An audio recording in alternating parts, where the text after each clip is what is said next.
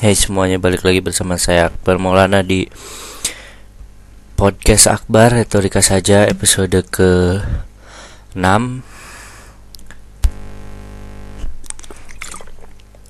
Ya gimana kabarnya semuanya? Ya uh, Masih balik lagi di siaran yang sedikit pendengarnya mungkin bahkan tidak ada pendengarnya tapi tetap saja dilakukan. Dan hari ini saya bingung mau ngebahas apa karena sepertinya kehabisan topik. Belum mempersiapkan topik poin-poin apa saja yang mau saya saya sampaikan. Ya. Eh uh, umur do kan eh uh, ya gitulah. Uh, gimana kalian? Masih sibuk dengan kegiatannya? Masih pusing dengan permasalahan kehidupan ini? Eh uh, gim gimana tentang uh, masalah dalam hidup solusinya bagaimana? Depresi kah kalian? Aduh. Jangan ya jangan depresi. Uh, kan tadi saya sempat baca-baca tentang depresi. Ternyata serem serem juga sih kalau ternyata depresi itu salah satu penyakit yang membahayakan. Akhirnya uh, bunuh diri itu depresi yang mengakibatkan bunuh diri. Wah serem jangan ya jangan sampai gitu. Eh uh, tahu ya. Uh, saya mau ngomongin apa?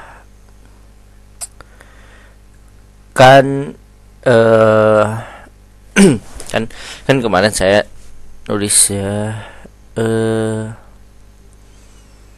bi bicara soal uh, ketegas ya. Hmm, ketegasan tuh uh, harus harus harus harus harus benar sih nggak nggak asal tegas gitu kan. Uh, saya saya tuh sebenarnya uh, balik lagi lah.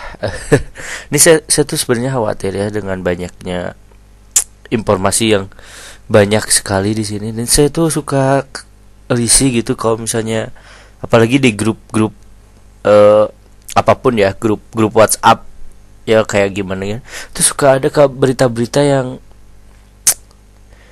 sebenarnya kayak nggak mungkin sih kayak kayak pak kayak hoax gitu kayak bohong itu berita bohong. Itu tetap aja di share dan di share tuh sama orang yang seharusnya tuh dia bisa memfilter gitu apa apakah materi ini tuh pantas untuk disebarkan atau enggak gitu? Di era sekarang tuh yang orang mau dengan mudah mendapatkan informasi terus men-share se semuanya kayak dengan segampangnya menceritakan ke orang lain gitu.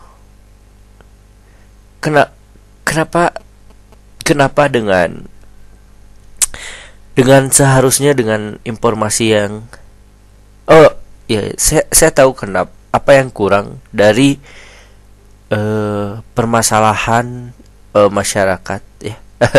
Per, permasalahan uh, di di di saat saat ini gitu. Yaitu bahwa kita tuh kekurangan yang namanya adalah verifikasi apa pun. Kita tuh selalu menelan mentah-mentah apa yang bisa kita dapatkan. Seperti itu Uh, jadi kalau misalnya tidak seharusnya kan kita memverifikasi setiap informasi yang kita dapatkan. Apakah ini benar atau hanya sekedar fitnah atau hoax gitu? Berita bohong. Karena kalau misalnya itu berita bohong bakal rusak sih. Ya, ya gimana? Bakal bakal hancur lah. Ya kan? Dan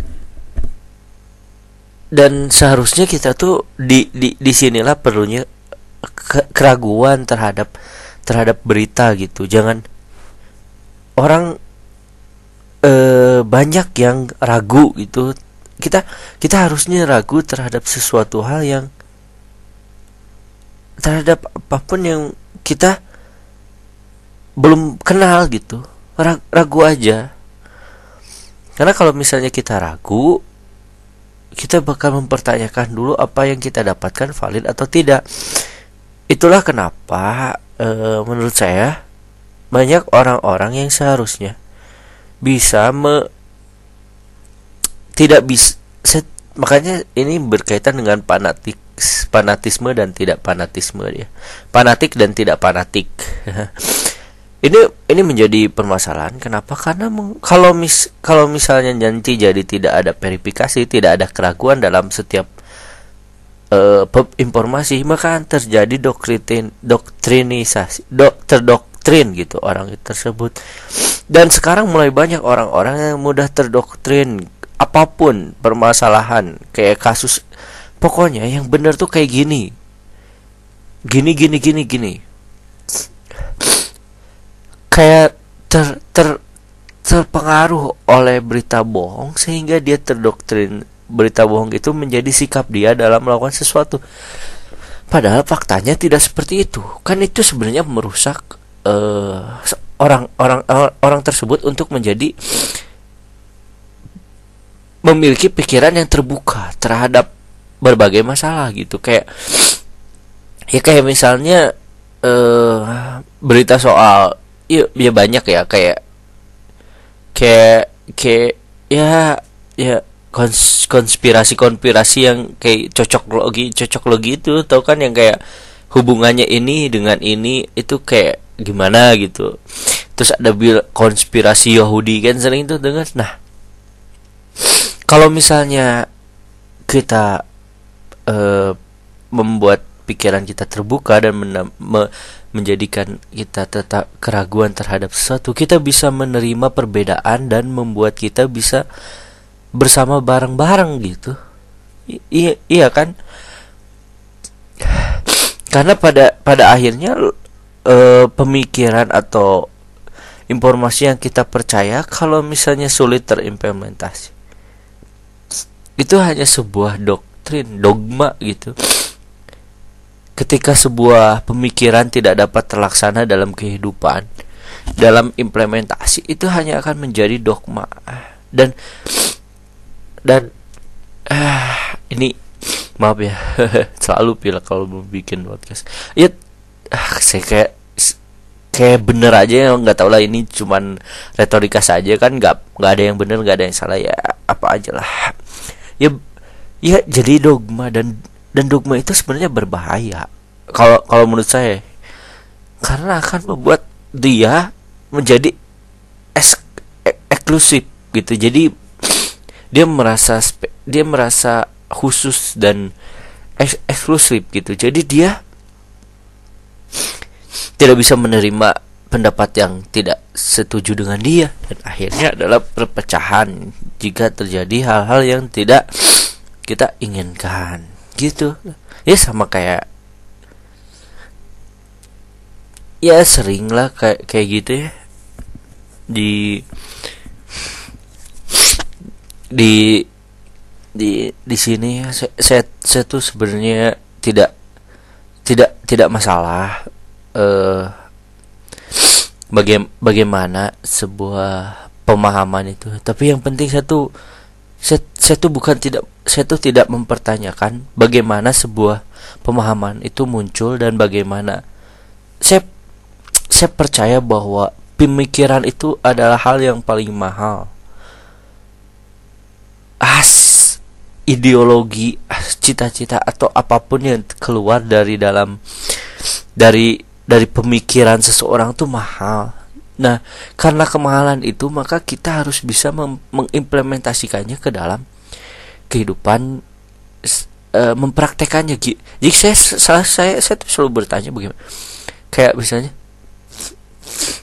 punya op opini hipotesa kayak gini. Nah, coba kalau misalnya dalam tataran aplikasi gimana? Gimana langkah-langkahnya? Bagaimana caranya? Agar kita bisa menemukan titik titik yang benar yang bisa teraplikasikan. Agar kita tahu langkahnya dan kita tahu bahwa itu tuh benar atau salah gitu. Langkah ini tuh benar pemikiran ini atau salah gitu. Jadi setiap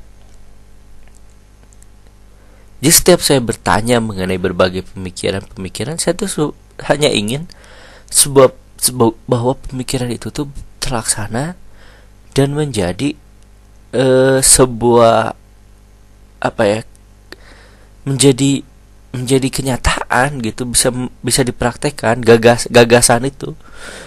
Gagasan itu tuh yang yang yang yang mahal kalau menurut saya. Jadi kalau kalau kalau saya misalnya uh, cerita misalnya soal uh, pemahaman uh, yang yang kemarin saya singgung uh, bukan bukan karena saya tidak tidak mempercaya atau bagaimana. Cuman saya penasaran bagaimana implementasinya. Dan kalau misalnya ada langkah-langkah konkret dan membuat saya masuk akal membuat saya terima bisa terima ya mungkin saya bisa juga menjadi juru bicara mereka mungkin. Yang nggak yang nggak tahu juga sih kayak kalau kalau kalau kalau misalnya memang memang memang harus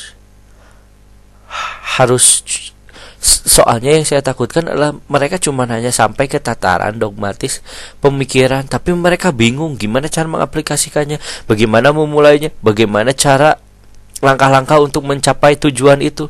Itu yang saya takutkan akan membuat membuat uh, mereka hanya akan berkutat dalam diskusi-diskusi yang tidak ada ujungnya Nah itu yang saya takutkan sebenarnya. Dan saya saya sendiri merasa ya udahlah kayak kayak gini aja lah, nggak nggak usah berubah berubah. Tapi saya nggak tahu nih ini tuh benar atau enggak gitu. Uh, saat saat ini banyak yang meng, merasa dirinya Tuhan. Maksudnya merasa dirinya Tuhan adalah merasa bahwa kayak gini tuh bener loh. Kayak gini tuh salah. Kayak gini benar kayak gini salah. Yang yang yang mem, yang percaya yang harusnya yakin bahwa itu benar atau salah tuh. Se, yang bisa menilai ini salah atau bukan itu adalah Tuhan kan? Tapi kita bisa melihat dari hasil penelitian penelitian yang yang bisa dipercaya dengan uh, metode penelitian yang valid gitu. Tapi kita terlalu banyak menjadi Tuhan dengan meng, meng, menghukum sebuah tindakan ini salah ini benar gitu. Sementara kalau misalnya kita berpikir bahwa kita tuh tidak tahu mana yang benar yang salah sebenarnya. Kita tuh hanya dikasih tahu bahwa ciri-ciri yang benar tuh kayak gini yang salah tuh kayak gini. Tapi kita nggak tahu itu tuh benar ciri-cirinya atau bukan gitu. Dan saya penasaran gitu ya. Kalau misalnya benar kayak gitu betapa membingungkannya gitu kita gitu. Kalau misalnya melihat bahwa yang kita perjuangkan selama ini tuh ternyata salah bisa kebayang gak sih? Kita tuh kayak waduh kok gini sih? Gitu kayak bisa kebayang nggak? Serem. Tak takut gitu. Tapi kita harus terus menggali menggali bagaimana Sa saya umur 22 tahun sekarang. Saya belajar saya belajar untuk se seharusnya saya belajar untuk tum tumbuh secara wawasan. Tapi kalau misalnya uh, tidak tidak dibarengi dengan uh, ke keingin tahuan dan lingkungan yang kita uh, sering sering sering sering sering dilewati gitu sering kita lakuin lakukan.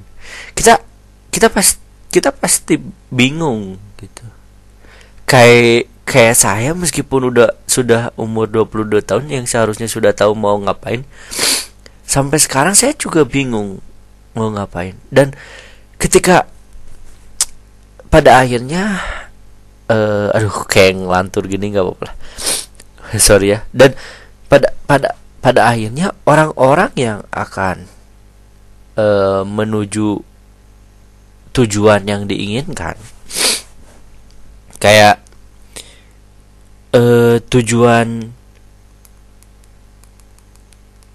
tujuan yang tujuan yang diinginkan tuj, tu, tuju, tujuan yang harus diinginkan kita sebagai manusia. Kapan sih kita dapatkan gitu? Kapan sih kita harus punya mau ngapain sih hidup ini diisi dengan diisi dengan ngapain sih?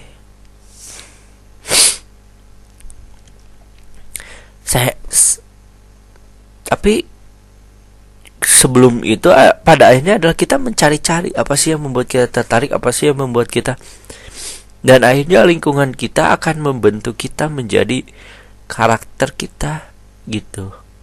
Saya saya saya tidak terlalu suka otomotif. Dan saya mungkin tidak akan bisa bergabung dengan kubikel otomotif. Tapi saya senang dengan tulisan opini eh, pendapat tentang sosial kehidupan sosial gitu. Nah saya terus menggali apa aja permasalahan tentang sosial yang seperti itu. Ya kalau misalnya saya tidak mengetahui itu mungkin saya bakal mencari semuanya dulu. Saya melahap otomotif tapi pada akhirnya saya malah kepayahan kan. Kenapa?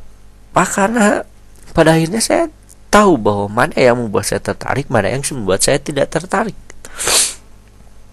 Dan makin ngaco aja ya tadi ngebahas soal keyakinan keraguan dan sekarang ke memilih tujuannya. Entahlah. Ya ya seharus ya seharusnya kan kita kita sudah tahu. Tapi kita nggak tahu kapan kita harus tahu tujuan kita apa. Dan balik lagi ke yang tadi yang bahwa kita nggak tahu yang benar mana yang salah. Ya pertanyaan ya kita hanya berusaha untuk mencari jawaban jawaban dan pertanyaan-pertanyaan yang kita sendiri nggak tahu jawabannya sampai kita diketahui oleh seseorang yang kita anggap Tuhan gitu. Iya enggak sih? Dan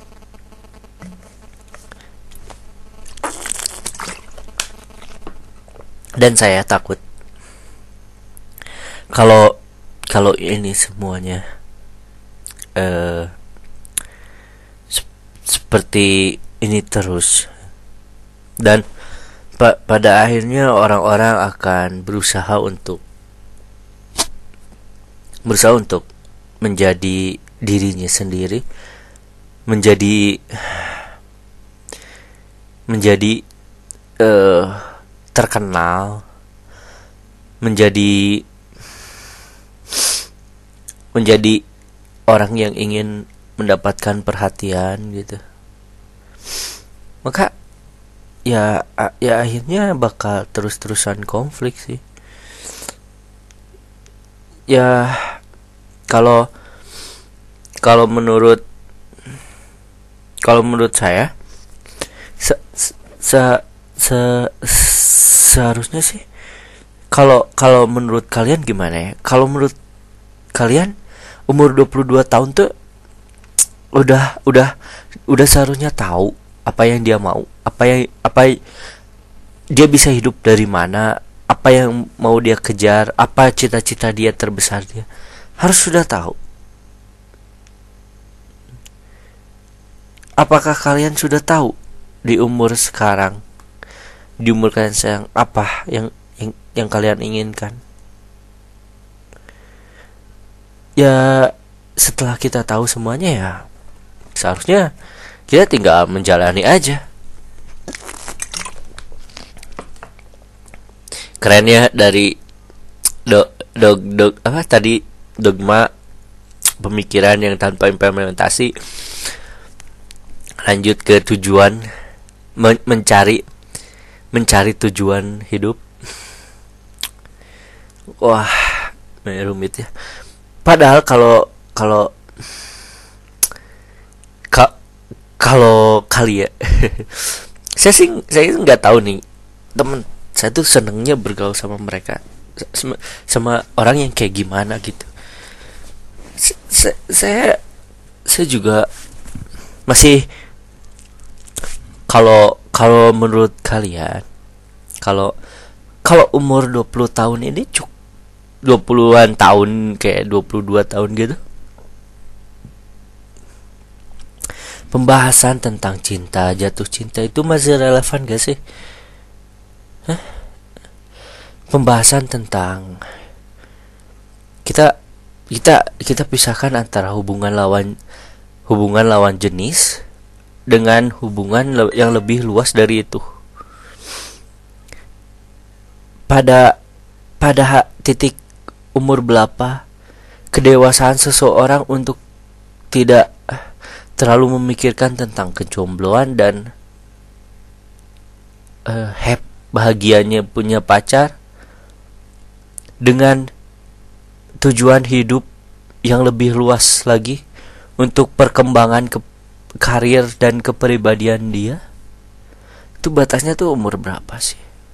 Kayak kalau kalau misalnya saat ini ketika umur 22 tahun lulus kuliah dan saya mungkin setelah ini bekerja tapi karena alhamdulillah sudah bisa mendapatkan kerja apakah saat ini udah tidak tidak udah tidak tidak tidak relevan lagi gitu membahas tentang pacar dan jatuh cinta dan kejombloan yang menyertainya? Nggak tahu sih. Padahal saya tuh masih saya tuh pengen uh, masih ingin merasakan bahwa uh, bercandaan-pencandaan tentang hubungan lawan jenis tuh bisa bisa relevan gitu. Bisa bisa saya terima dan memang masih bisa saya terima. Cuman saya tuh ngerasa kayak gak terlalu concern aja bagaimana dalam kalau diibaratkan buku nih ya dalam dalam ilmu ilmu ilmu kesastraan setahu saya ada sastra populer ada sas ada ada buku yang sas yang sastra sastrawi ada yang sastra populer katanya seperti itu. Sastra yang populer biasanya eh, tidak biasanya lebih tidak baku bahasanya dan biasanya segmentednya anak muda yang yang gaul gitu. Pokoknya terlihat perbedaan gitu antara sastra yang untuk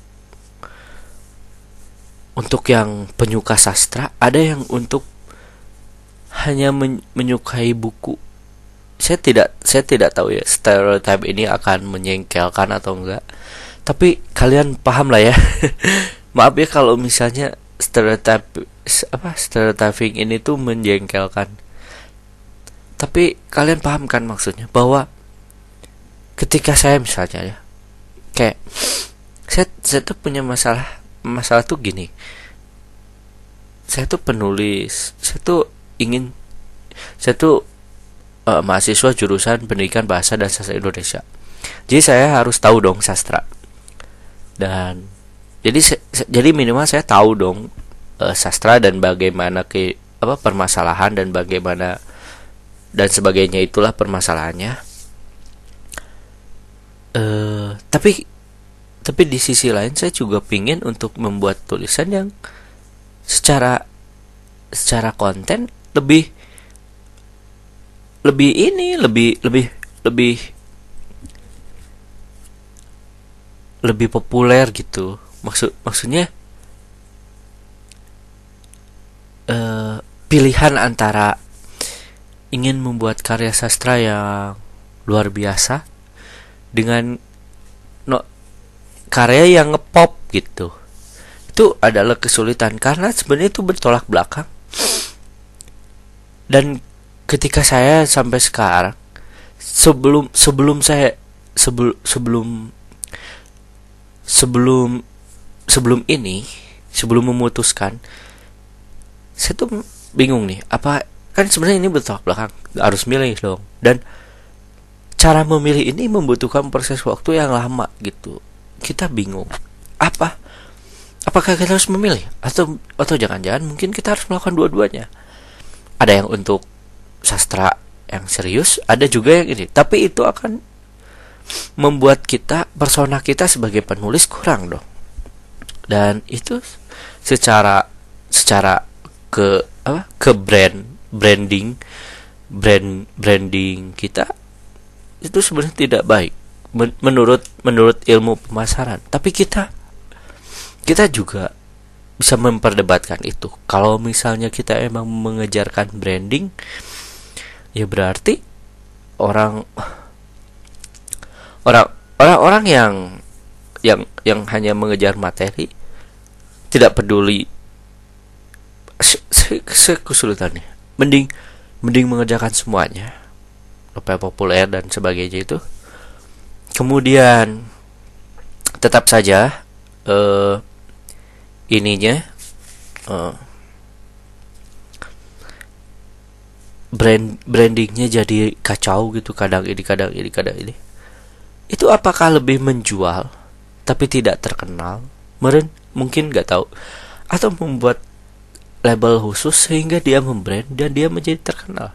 Sesungguhnya keterkenalan itu juga berkorelasi dengan kekayaan gak sih itu kan pertanyaannya sebenarnya ini kalau kalau kalian merasa punya jawaban uh, boleh deh di share saja. Mudah-mudahan ada. Dan jadi jadi menarik. Uh, pertanyaannya adalah keterkenalan kita ken, mudah dikenal itu berkolerasi dengan kekayaan gak sih? Ketika semakin kita terkenal, apakah kita semakin kaya gitu? Apakah memang betul atau mungkin kayak tadi orang dia dia tidak terkenal tidak tidak brand brandingnya maksudnya dia dia tidak fokus terhadap satu tulisan tapi dia menulis banyak hal itu juga ada sebuah branding mungkin tapi nggak tahu juga ya entahlah semoga ini ini seharusnya ada yang lucu. Dari tadi saya cuma ngoceh nggak ada yang lucu. Gila nggak? Dan nih orang. Se seharusnya saya tuh ah nggak tahu lah. Ternyata ternyata susah loh nyari nyari punchline tuh analogi menjelimet. Harus harusnya sebagai sastra apa anak anak bahasa, bahasa anak bahasa ya sih harusnya tahu sih. Teknik-teknik membuat hal-hal yang kayak gitu. Dan ini kayaknya itu ya keren. Uh, dan sekian dari saya Akbar Maulana sampai ketemu jumpa lagi di podcast Akbar retorika saja karena semuanya cuman retorika. De dah semalah